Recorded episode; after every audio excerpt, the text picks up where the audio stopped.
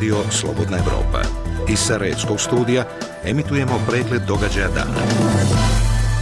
Radio Slobodna Evropa. Vijesti. Inicijativa građana jer nas se tiče organizovala je na Uborku kod Mostara proteste kojima podsjeća javnost da okolišna dozvola deponiji ističe 4. decembra. Građani se zalažu za zatvaranje i izmještanje ove regionalne komunalne deponije, kaže za Radio Slobodna Evropa Nijaz Hođić, potpredsjednik inicijative. Evo mi smo se danas iskupili znači da upozorimo još jedan put da se ne izda okolinska dozvola i da se dogovorimo za četvrtak šta ćemo raditi. Po slušanju naroda ovde mislim da će biti blokada i da se neće više dozvoliti odlaganje sve. I e, ja očekujem znači da jedan put oni shvate u gradu i u kantonu da ne može deponija biti u sred naseljenog mjesta. Prvi dan decembra obilježava se kao svjetski dan svjesnosti o HIV-u, odnosno AIDS-u. Obilježavanje traje više od 30 godina na inicijativu Svjetske zdravstvene organizacije. U Bosni i Hercegovini je registrovano 400 slučajeva inficiranih HIV-om.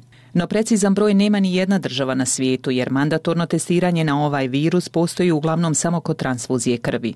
Zahvaljujući napretku medicine, životni vijek ovim ljudima znatno je duži i kvalitetniji.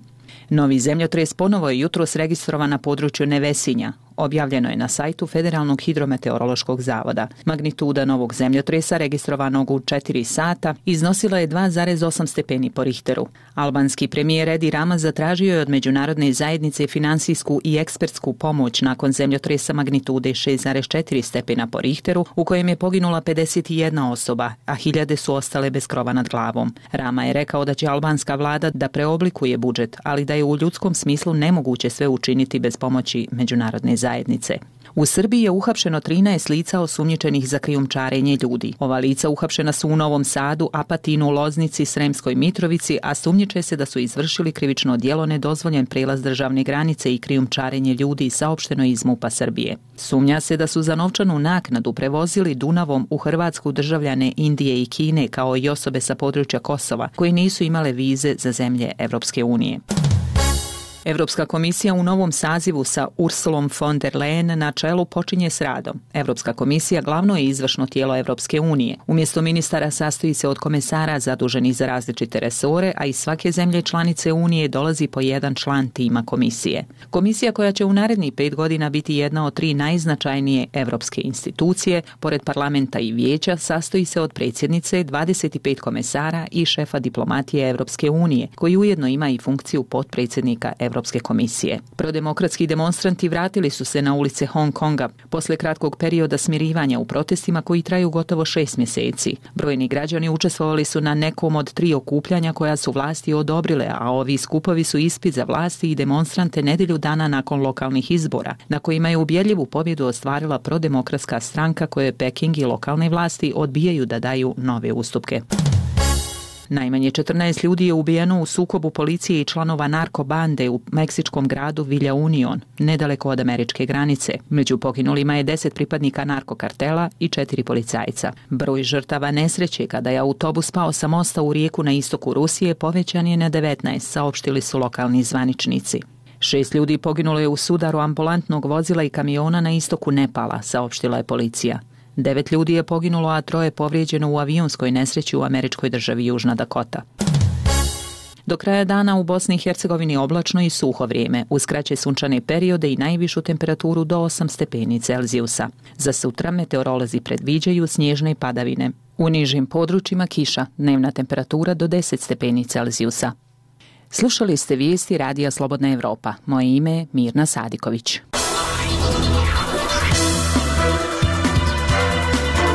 Radio Slobodna Evropa, program za Bosnu i Hercegovinu. Na vratima Evrope. Emisija o evropskim integracijama. Srdačan pozdrav, poštovani slušalci. U ovoj emisiji, pored ostalog, objavljujemo. Turizam je oblast koja sve više povezuje zemlje Balkana. Uh, Na turizam otpada petina bruto društvenog proizvoda i više od 25% izvoza zemalja regiona. Ukupno 20% zaposlenih radi u turizmu, direktno ili indirektno. Iako se najavljuje decenijama, do danas nije izgrađen niti jedan kilometar brze ceste od Lašve do Nević polja prema Jajcu. Više mi je toliko postalo degutantno čekati e, svake izbore i priče o tome kako će samo što nije krenulo, to znači tamo gdje neko odlučuje o tome kud će se raspoređivati, on će u svoje selo 100 cesta napraviti, a tamo gdje je potrebno niko i ne spominje. Program koji finansira Evropska unija Erasmus Plus raspisao novi poziv za projekte proširenja u oblasti visokog obrazovanja. Erasmus Plus program koji finansira Evropska unija za naredni šestogodišnji ciklus uduplao je budžet u odnosu na prošle i to sa 15 na 30 miliona evra, čime se otvaraju veće mogućnosti za univerzitete, U Cazinu otvorena putujuća izložba Ana Frank, istorija za danas. Posjetioci kažu. Mislim da ovo za mlade odlična jedna prilika i nešto što nisu do sad imali priliku uopšte ni da vide na ovakav način, da sagledaju posljedice od svih tih razdora, odnosno nemira i do čega dovodi da na kraju ko nam najviše strada, stradaju nam nedužna djeca. A sada opširnije o ovim, ali i drugim temama. Na vratima Evrope. Turizam je oblast koja sve više povezuje zemlje Balkana, a tokom prošle godine region je posjetilo 12 miliona turista. To je grana koja se najbrže razvija u ovom dijelu Evrope. Vijeće za regionalnu saradnju je u albanskom gradu Drač prije katastrofalnog zemljotresa dodijelilo novih 16 grantova za razvoj turizma na Zapadnom Balkanu. Fokus je ovog puta bio na kulturnom i avanturističkom turizmu. Naša reporterka Aida Đugum je bila na mjestu ovog događaja gdje je pročitana poruka na jezicima balkanskih naroda. For the west, the Balkan was where the Orient began. And for the east, it was a gateway to Europe. Tinglom poetika, pojo. Evo smo čekali.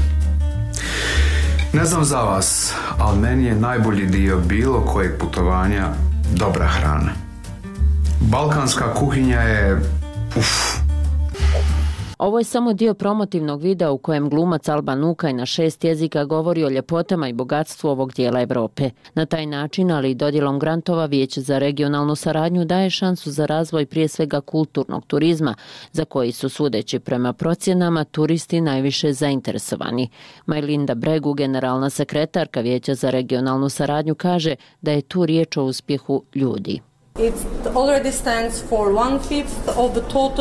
Na turizam otpada petina bruto društvenog proizvoda i više od 25% izvoza zemalja regiona. Ukupno 20% zaposlenih radi u turizmu, direktno ili indirektno. Broj turista koji su posjetili regiju prošle godine je 12 miliona ljudi, dok 40% njih dolazi da posjeti regiju sa specifičnim ciljem, a to je kulturni turizam. U Draču, koji je više od 3000 godina bio mjesto povezivanja trgovine sredozemlje istočnog Jadrana, dodijeljeno je novih 16 grantova za razvoj turizma na Zapadnom Balkanu. Ovo je uslijedilo nakon uspješne provedbe prvog kruga od 12 grantova. Novi grantovi trebaju obogatiti ponudu kulturološkog i avanturističkog turizma. Regionalne turističke rute zasnovane su na kulturnom nasljeđu.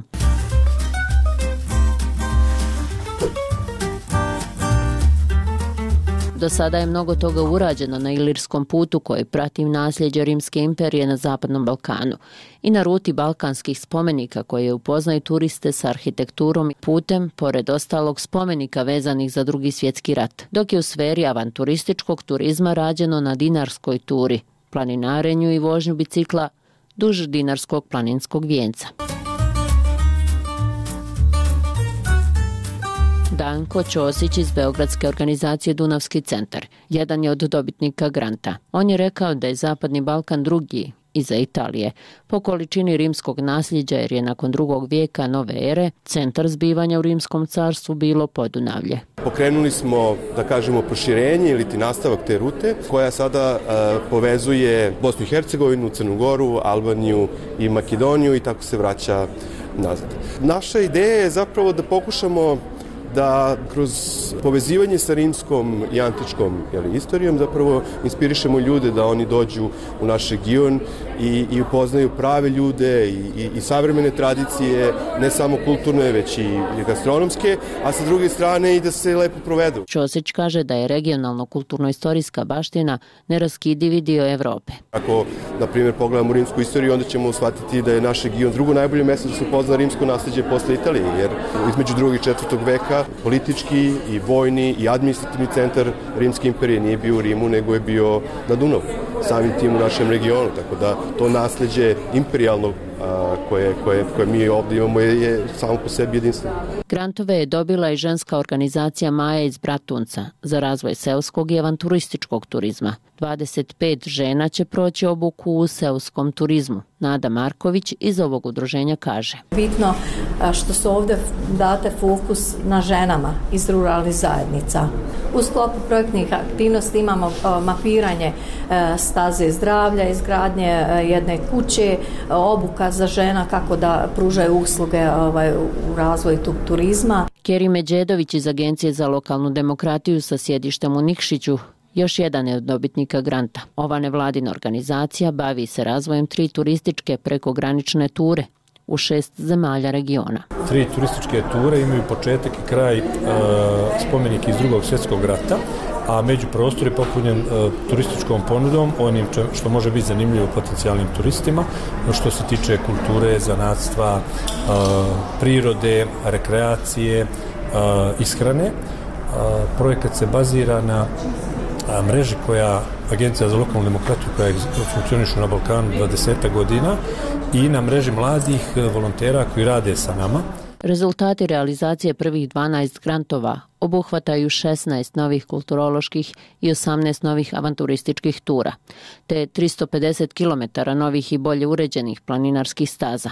Uspostavljena je i regionalna mreža arheoloških lokaliteta rimskog perioda, kao i saradnja arheoloških lokaliteta rimskog perioda. Region je dobio svoj prvi standard prilagođenosti biciklistima, kao i prvu regionalnu mrežu jahanja. Nikola Gaon iz Vijeća za regionalnu saradnju objašnjava. Ono čemu se kroz projekat daje prioritet jeste poboljšanje infrastrukture na kulturnim avanturističkim regionalnim rutama, kao i obuka ljudi koji se bave turizmom, koji pružaju te usluge i naravno velikim dijelom i promocija uh, lokaliteta koji su jako bitni za naše zajedničko kulturno nasljeđe. Ovo je dio trogodišnjeg projekta razvoja i promocije turizma vrijednog 5 miliona eura. Projekat obuhvata i program malih grantova u vrijednosti od 1,62 miliona eura koji se realizuju u tri ciklusa. Prvi ciklus obuhvatio je 12 grantova u vrijednosti od 548.000 eura, dok je u sklopu drugog ciklusa 16 grantova u vrijednosti od 759.000 eura. Preostalih oko 300.000 eura biće dodijeljeno u trećem ciklusu. Eurozona. Eurozona. Eurozona. Eurozona. Iako se najavljuje decenijama, do danas nije izgrađen ni jedan kilometar brze ceste od Lašve do Nević polja prema Jajcu, koja bi rasteretila jednu od najfrekventnijih magistralnih cesta u Bosni i Hercegovini. I dok se radovi godinama odgađaju, a stanovnici Srednje Bosne gube nadu, Iz javnog preduzeća Autoceste Federacije najavljuju raspisivanje tendera i početak radova za iduću godinu, informiše Marija Augustinović. Magistralna cesta M5 na dionici od Lašve do Travnika jedna je od najopterećenijih prometnica u Bosni i Hercegovini i kako kaže Miroljub Čabro iz Novog Travnika, noćna mora svih vozača. Pa super je vostom cestom, ali ako vozi tu tri sata na već, inače to totalno ludlo, veliki je problem optrećenje ceste, što je tu raskrižje, novi travnik, travnik, vitezi, svi mure ili općanto to žila kucavca srednjoborskog kantona, gdje god da krenete morate baš tom cestom. Jako je stresan prolaz, taj, pogotovo u špici oko 5 sati kad se treba provoditi svima, toplo preporučujem da ne idu u to vrijeme. A priča o rasterećenju postojeće magistrale i izgradnji brze ceste koja bi išla od Lašve do Jajca te bi se dalje povezivala s Bosanskom krajinom, stara je više od 20 godina. Iako je početak izgradnje na prvoj dionici dugoj 24 km od Lašve do Nević polja najavljivan još u 2017. godini, do toga nije došlo, a iz preduzeća Autoceste Federacije BiH saopćili su da se prvi radovi očekuju u idućoj godini. Za 2020. godinu planira se provođenje tenderske procedure za izbor izvođača i nadzora te početak radova na izgradnji lota 5 na dionici Vitez Nević polje. Do objave tendera još nije došlo jer se najprije moraju riješiti imovinsko-pravni odnosi. Ekspropriacija za navedenu dionicu je u toku. Izmjenama i dopunama zakona o prostornom uređenju Srednjobosanskog kantona kojima je definiran položaj brze ceste Lašva-Nević polje, riješen je glavni problem koji je sve vrijeme usporavao aktivnije radove na navedenoj dionici. Osim što bi riješilo problem prometnog kolapsa u Lašvanskoj dolini, brza cesta bi ubrzala i putovanje iz Sarajeva prema krajini. Zbog toga je, kako kaže Osman Lindov sa saobraćajnog fakulteta u Sarajevu, neshvatljiv višegodišnji zastoj u izgradnji. Taj putni pravac, znači Lašvanskom dolinom, je najopterećeniji, ja mislim, u Evropi. Čitava krajina je osjećena rad tog putnog pravca, odnosno putuje se za krajinu kada putujemo u Budimpeštu. Te industrijske zone se pate svakodnevno na tom putnom pravcu. Studije su odrađene, te ova, te ona, te radili ponovno i tako dalje, pa ništa. Imamo li šta? Brza cesta Lašva Jajce označena je kao jedan od prioritetnih projekata vlade Federacije BiH, koja je za prvu dionicu od Lašve do Nević polja planirala 66 miliona maraka. Međutim, iako tvrdi da bi ova cesta imala ogroman značaj za stanovnike i privredu Lašvanske doline, poduzetnik Zoran Gazibarić kaže da se prestao nadati da će ona ikada biti izgrađena. Više mi je toliko postalo degutantno čekati e, svake izbore i priče o tome kako će samo što nije krenula. To znači tamo gdje neko odlučuje o tome kud će se raspoređivati, on će u svoje selo sto cesta napraviti, a tamo gdje je potrebno niko i ne spominje. Zamislite šta bi napravio auto brza cesta, da spoji uzimo Bihać sa Sarajevom, da nas spoji na koridor 5C, onda bi mi bili kao da smo i na koridoru. Po kvaliteti cestovne infrastrukture i dinamici izgradnje modernih prometnica, Bosna i Hercegovina je na samom evropskom dnu, upozoravaju eksperti. Profesor Osman Lindov kaže, problemi su brojni, od ignoriranja struke do činjenice da je država ovaj bitan posao prepustila nižim nivoima vlasti. Zbog svega toga upozorava Lindov, Bosna i Hercegovina zaostaje u prometnoj infrastrukturi, što pogađa privredni i svaki drugi razvoj zemlje zemlje. U saobraćaju transportnoj infrastrukturi debelo kasnimo što nas uh, uh, pogađa u čitavom privrednom razvoju uh, Bosne i Hercegovine, što nas pogađa u odlasku mladim, ovaj, da imamo izgrađenu infrastrukturu, ja garantujem da uh, pola naše omladine ne bi ovoliko išlo, jer ta konekcija, kad bi imali sa autoputevima, sa dobrim željeznicama, svakako ni bio uh, ovaj e, dobar adut, odnosno da oni ostanu ovde, jer bi ta Evropa daleko bila bliža nego što je trenutno. Reforme za Evropu. Bosna i Hercegovina bi morala imati jedinstvenu instituciju koja bi radila na procesu priznavanja diploma stečenih u inostranstvu. To je rezultat projekta kojeg su uz finansiranje Evropske unije u prethodnih nešto više od godinu dana provodili eksperti konzorcijuma javnih obrazovnih institucija iz Francuske, Letonije i Hrvatske u saradnji sa Centrom za informisanje i priznavanje dokumenata iz područja visokog obrazovanja Bosne i Hercegovine. Pripremio Mirsad Behram. Bosna i Hercegovina je dio evropskog područja visokog obrazovanja, koje uključuje 48 zemalja. Suština je mobilnost radne snage, odnosno priznavanje kvalifikacija osoba koje dolaze raditi u BiH i obrnuto šta se željelo omogućiti projektom pod nazivom Osnaživanje institucionalnih kapaciteta za priznavanje kvalifikacija u visokom obrazovanju, objašnjava šef sekcije operacija za socijalni razvoj, civilno društvo i preko graničnu saradnju delegacije Evropske unije u BiH, Gianluca Vanini. Which allows people who have što omogućava ljudima koji su stekli diplome u drugim zemljama, studirali, proveli dio života u drugim zemljama u Evropi, da dobiju priznanje u BiH svojih studija i kvalifikacija. To će im omogućiti da pronađu posao u BiH na tržištu rada. Nakon godinu dana rada na projektu, uključujući i sagledavanje, kako je ranije rečeno, prave šume propisa u ovoj oblasti, eksperti iz tri zemlje Evropske unije, Francuske, Letonije i Hrvatske, te domaći stručnjaci, zaključili su šta bi trebalo učiniti da se postigne ujednačavanje propisa u oblasti priznavanja inostranih kvalifikacija u BiH.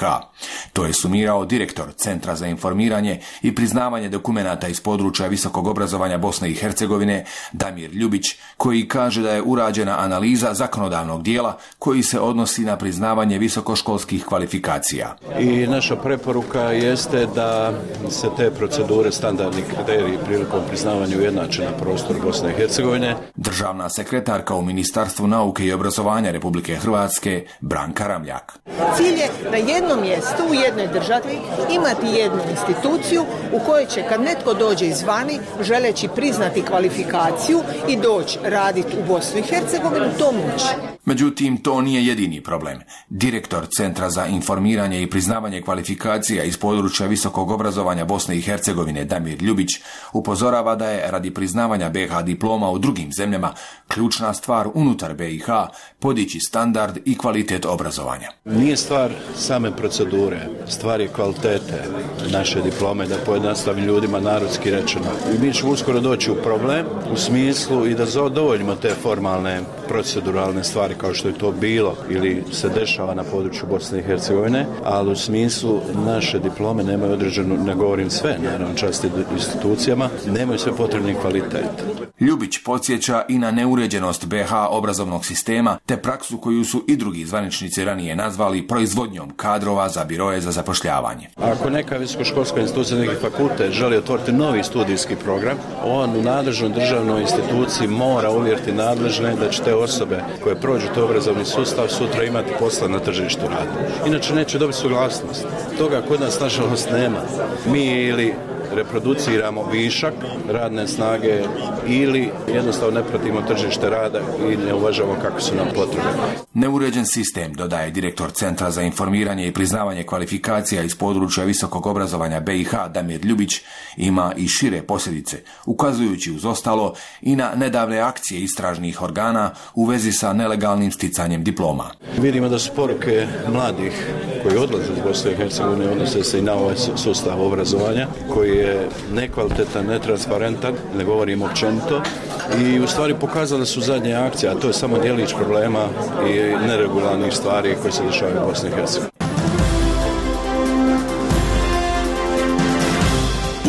Emisiji TV Liberty gledajte.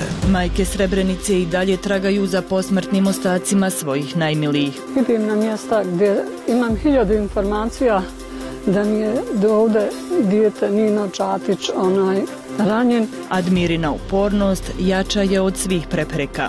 Ja stvarno sam imala težak život i sve, ali izlazim uvijek čvršća i koji god pre problem znači uspijem da riješim na težak način, ali uspijem, izborim se. Nekoć sportista stoljeća danas održava kanalizacionu mrežu Tuzle. Bosna i Hercegovina od tih vrijednosti sporta što je bilo u Jugoslaviji nisu uzeli ništa. I tako da nam je e, sport i danas dan u velikom zaostatku na ove zemlje okruženja. Slobodna Evropa.org Program koji finansira Evropska unija Erasmus Plus raspisao je novi poziv za podnošenje prijedloga za finansiranje projekata proširenja kapaciteta u oblasti visokog obrazovanja. Za projekte iz Bosne i Hercegovine osigurano je od pola do milion eura po projektu, a omogućeno je i udruživanje sa partnerima iz regiona i Evrope.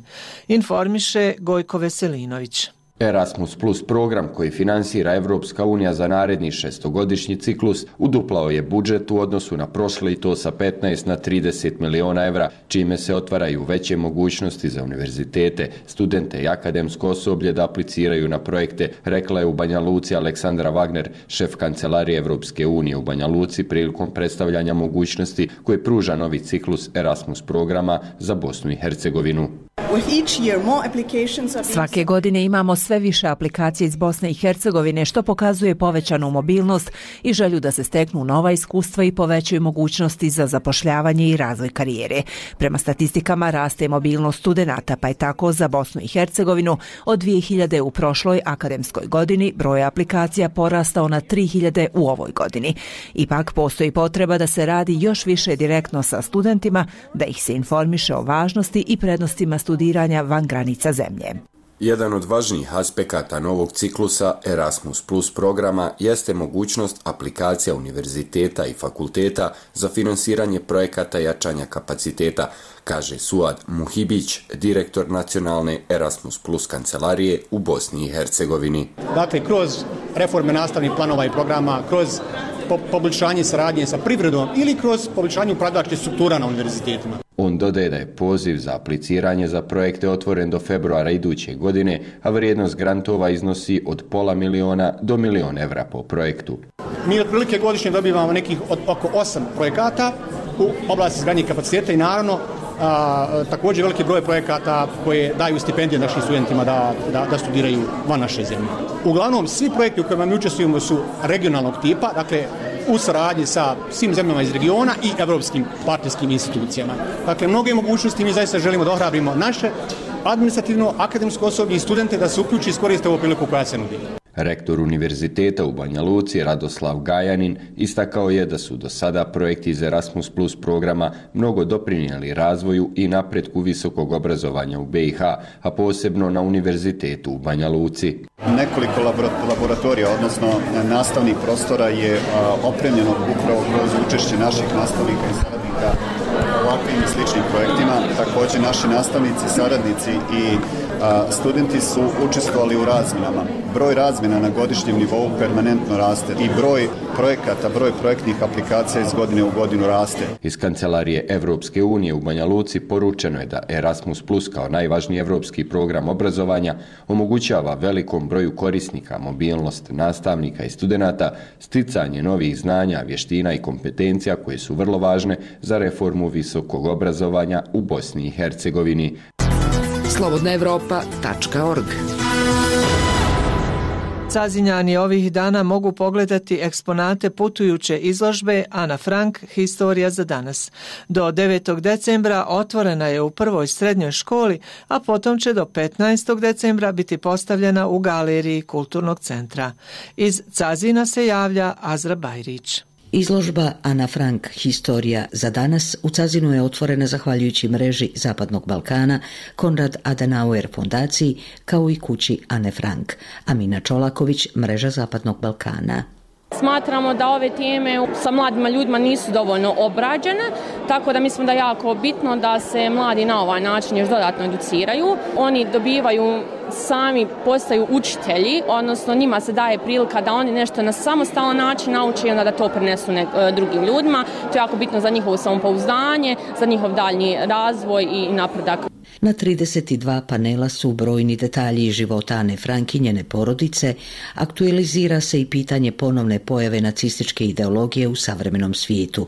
Tu je i sedam lokalnih panela koji govore o historiji Bosne i Hercegovine u toku i nakon drugog svjetskog rata do danas, a koji su izradili BH eksperti.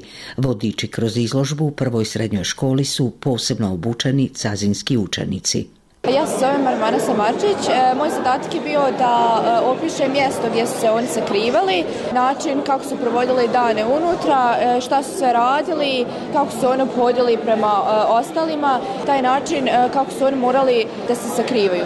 Inela Hadžić, pedagogica prve srednje škole. Mislim da ovo za mlade odlična jedna prilika i nešto što nisu do sad imali priliku uopšte ni da vide na ovakav način, da sagledaju posljedice svih tih razdora, odnosno nemira i do čega dovodi da na kraju ko nam najviše strada, stradaju nam nedužna djeca. Ismet Kasomović i Sanela Mujić, posjetioci izložbe.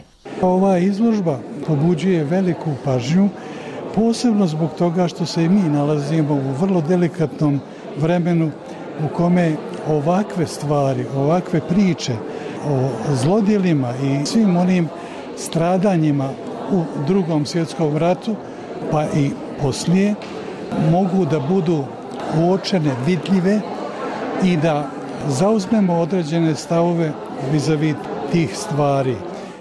Sve pohvale, jer ovo je zaista, ja prvi put uh, posjećujem i prisustvujem jednoj ovakvoj izložbi. Nakon prve srednje škole, izložba će od 9. do 15. decembra biti otvorena u galeriji Kulturnog centra Cazin. Zanima vas što se dešava u regiji? Radio, TV, video. Sve možete naći na slobodnaevropa.org. Toliko ove nedjelje, poštovani slušalci. Hvala na povjerenju i ugodno poslje podne želim vam Zoran Mijatović i Gordana Sandić Hadži Hasanović.